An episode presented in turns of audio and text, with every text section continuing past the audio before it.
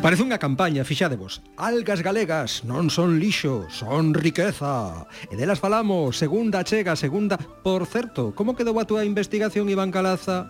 As algas como alimento das nosas vacas?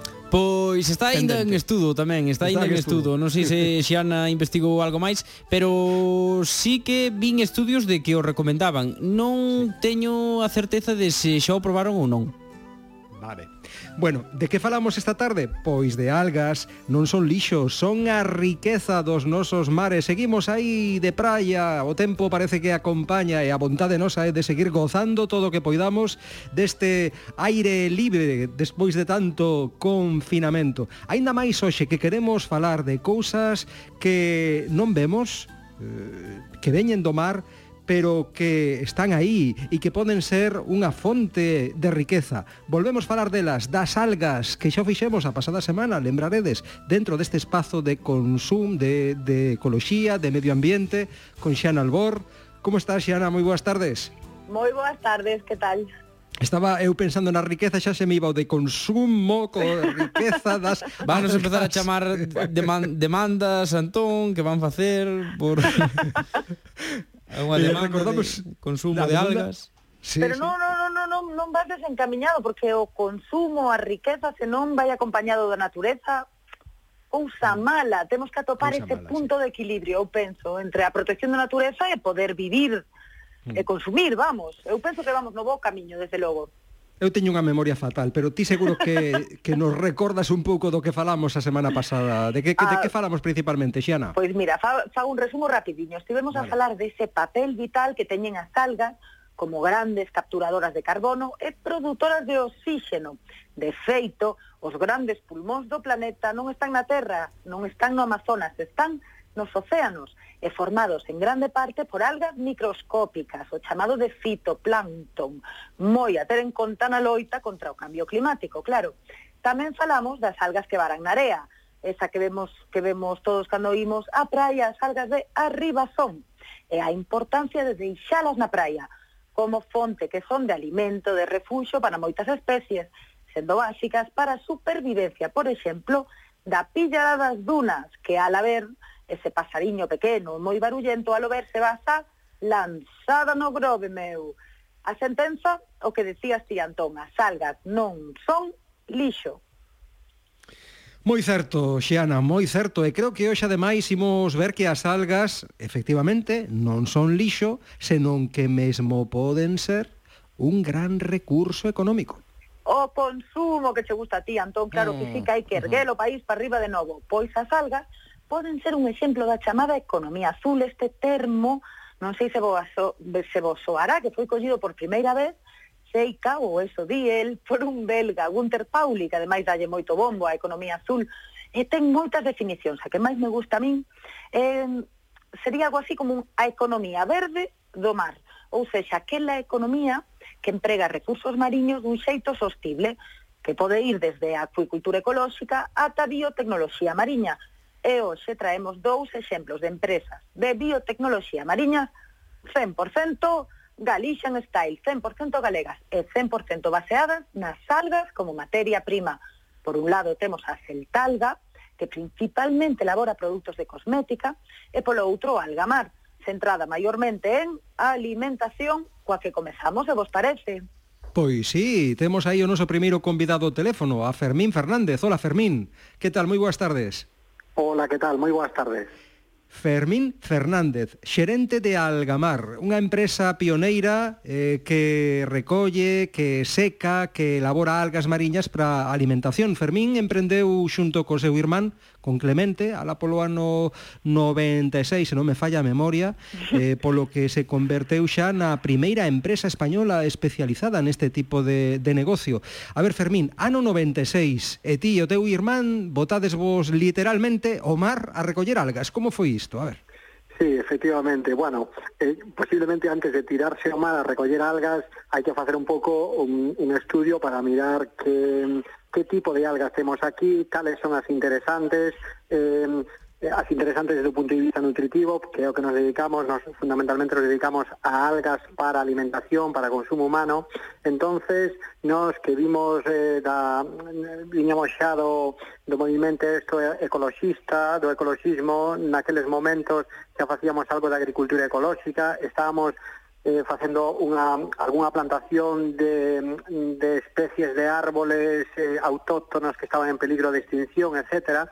Entonces, dentro deste marco de de unha conciencia medioambiental, pensamos eh, que as algas podrían ser un alimento moi interesante tanto de, de, o punto de vista medioambiental como tamén para a saúde. Entonces ahí empezamos a traballar, empezamos a investigar, empezamos a entrar en contacto con diferentes investigadores da, de diferentes universidades, da, de Santiago de Compostela, la Complutense en Madrid, etcétera, hasta que podemos definir eh, cales, eh, qué biomasa, dentro da biomasa que temos en Galicia, cales podían ser interesantes para o consumo humano e, eh, os que nos podían aportar, digamos, máis eh, nutrientes, etcétera, ¿no?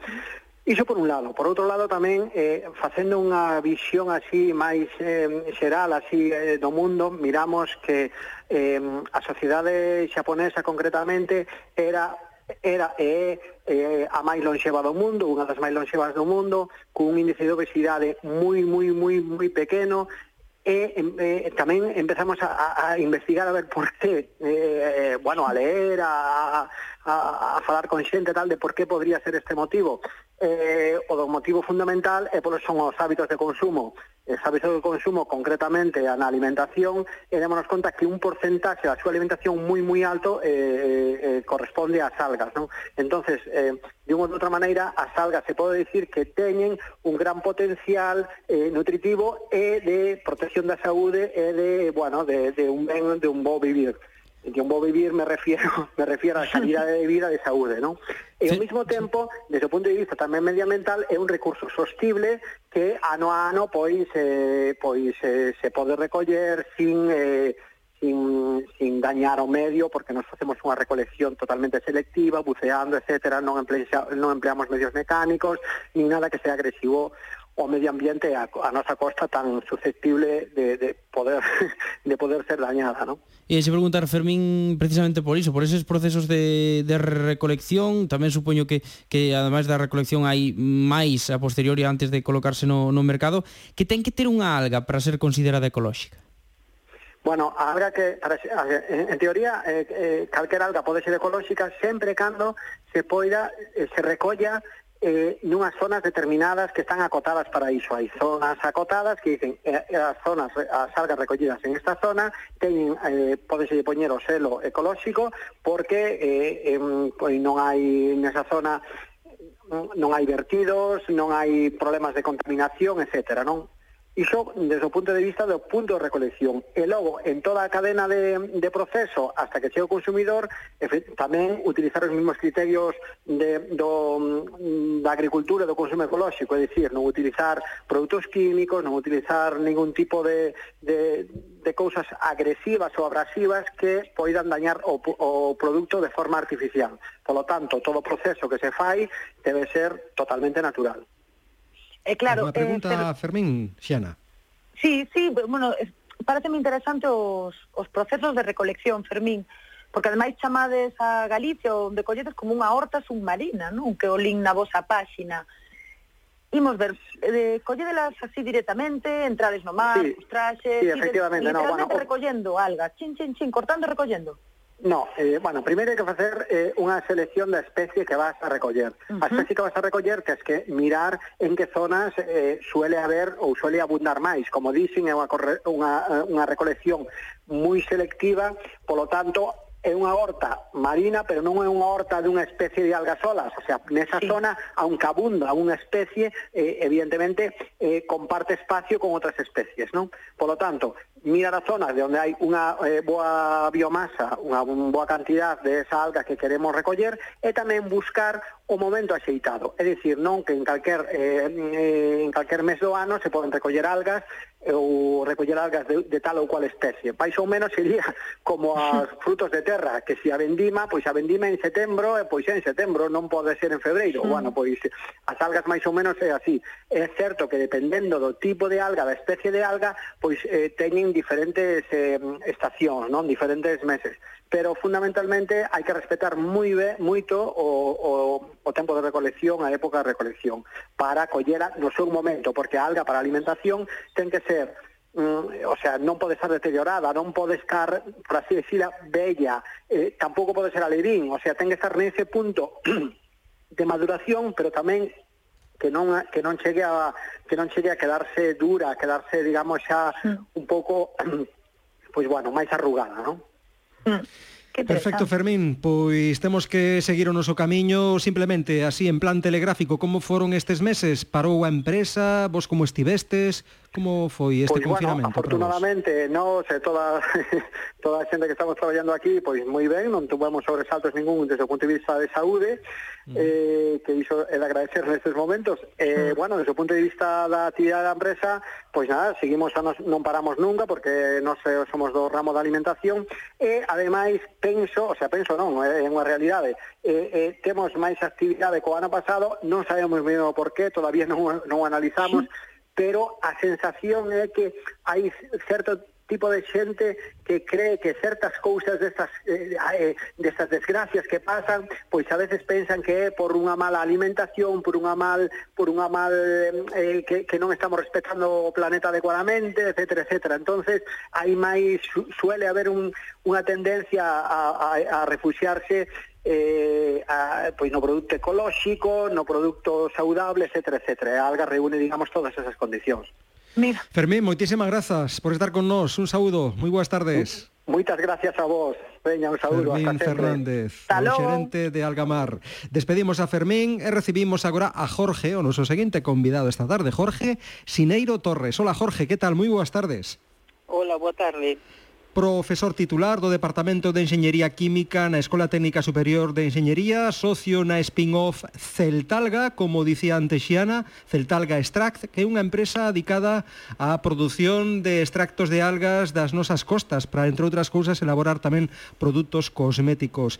Jorge, vos eh, como, cando, por que creades Celtalga? Cal é a principal liña de negocio que tedes? Bueno, pues, Cetalga crease no ano 2015 eh, a partir dos resultados de investigación que indicaban que era pois, interesante desde o punto de vista eh, tecnolóxico aproveitar as algas, as pardas principalmente, que en Galicia non se explotaban absolutamente nada, eh, en base aos seus antioxidantes, os, os compostos fenólicos, que nos extraíamos eh, cun proceso eh, donde utilizamos auga como disolvente asistido por ultrasons e que daba lugar a un extracto pois, acuoso en que era posible utilizar tanto en alimentación como en cosmética. Empezamos polo sector cosmético. Empezaste... Sí. Empezabas polo sector cosmético, como dicías, eh, Jorge. Eh, como son no vosso caso os procesos que levades a cabo para elaborar os extractos dos produtos cosméticos a partir das algas? Ben, bueno, nos partimos para ter un, un produto que teña unha trazabilidade, nos partimos dun alga que xa ben seca, micronizada, que é suministrada pola empresa Porto Moiñas, e esa alga logo preparamos unha suspensión e eh, facemos un proceso controlado en temperatura e tempo para acadar unha concentración estandarizada de compostos fenólicos, que son os que lle dan a actividade que nos interesa. Ten unhas actividades que protexen componentes da peli que son antioxidantes. Eso despois incorpora nun porcentaxe pequeno a produtos cosméticos. Uh -huh. E o, a nosa actual liña de negocio é a comercialización dunha serie de cosméticos derivados desos extractos de alga. E creo que tedes algún tamén para peregrinos, non, Jorge? Eh, sí, sí, eh, recién acab acabamos de sacar eh, fai nada, fai poucos meses, é unha, pois é unha crema antirrozaduras con un extracto de fucus vesiculosus e con extracto de árbol de té que ten un efecto pois, cicatrizante e tamén hidratante que mellora a elasticidade da piel e é un, un componente que, digamos, alivia e prevén un pouco as rozaduras. É un produto que, pois eso, que empezábamos a comercializar a finales do ano, ano pasado, algo en febreiro, y bueno, pues ahora está, está parada a súa comercialización, por razóns obvias. Voltarán, voltarán sí. os peregrinos e voltarán a, a, a precisar iso, desde Exacto. logo. Sí, sí. Jorge, e credes que Credes que Galicia, Jorge, pode continuar medrando, que hai camiño que percorrer, que este área de negocio no que estades ten aínda longo camiño que facer? Eu penso que sí, no sentido de que en Galicia só se extraen algas para alimentación prácticamente. É dicir, se extraen algas algo para eh, mm, carraxeninas, para alimentación, eh, se trae algo para facer agar-agar, pero casi todo o que se comercializa eh, son especies alimentarias. Estas especies que nos usamos, as algas pardas, eh, non as explota prácticamente ninguén. Teñen unha utilidade importante e teñen unha química diferente das, das plantas, que ten, ten moitas posibilidades. Teñen propiedades prebióticas, eh, son antioxidantes, hai unha, moitos produtos que se poderían desenvolver eh, con componentes deste tipo. Eso sí, con sostibilidade, porque as, as rías eh, galegas non son como as costas da Bretaña francesa, que donde se poden sacar toneladas e toneladas e toneladas de algas, ¿no? Ten que ser eh, con, con control e con cuidado sobre que especies se extraen e cando. Temos con sentidiño. Aquí. Sentidiño, sí, era que ia usar claro eu tamén, sí. Xana. Claro, sí. Sentidiño, efectivamente. Bueno, Jorge Sineiro Torres, un placer eh, tamén contar. Por certo, como foron estes meses de confinamento? Moito parón, moito ralentío, mm. como foron? si sí, foron de bastante parón, bueno, aproveitamos para eh, un pouco poñer ao día as redes sociais e facer un pouco de campaña co, coa marca principal que é Sálvora, eh, publicidade no Instagram, no Facebook, etc. E, bueno, eh, despois no que no que este novo produto que temos, pois eh, prácticamente si eh, paramos porque non non podemos facer así, digamos, actividade comercial pero un pouco así, mantendo pois eh, nas redes sociais un pouco a imaxe da marca e, bueno, algo de actividade, sí, pero pouca. Jorge Sineiro Torres, moitísimas grazas tamén por estar con nós. Un saúdo, Nada, moi boas tardes. Gracias a vos, boa tarde. Socio na spin-off Celtalga Estrat, esta empresa dedicada á produción de extractos de algas nas nosas costas para, entre outras cousas, elaborar produtos cosméticos ou, como nos recordaba agora Xiana, esa crema maravillosa para rozaduras a todos aqueles que fan o Camiño de Santiago, que volverán facelo cando se volvan a abrir os camiños e saiamos desta escura noite. Moita graza, Xena, Albor. Grazas a vos, que pasades boa Un saúdo. Tarde. Chao, boa tarde. Seguiremos falando de algas noutra ocasión porque agora quen chama por nós é Meteo Galicia. A tarde con Antón Rebollido.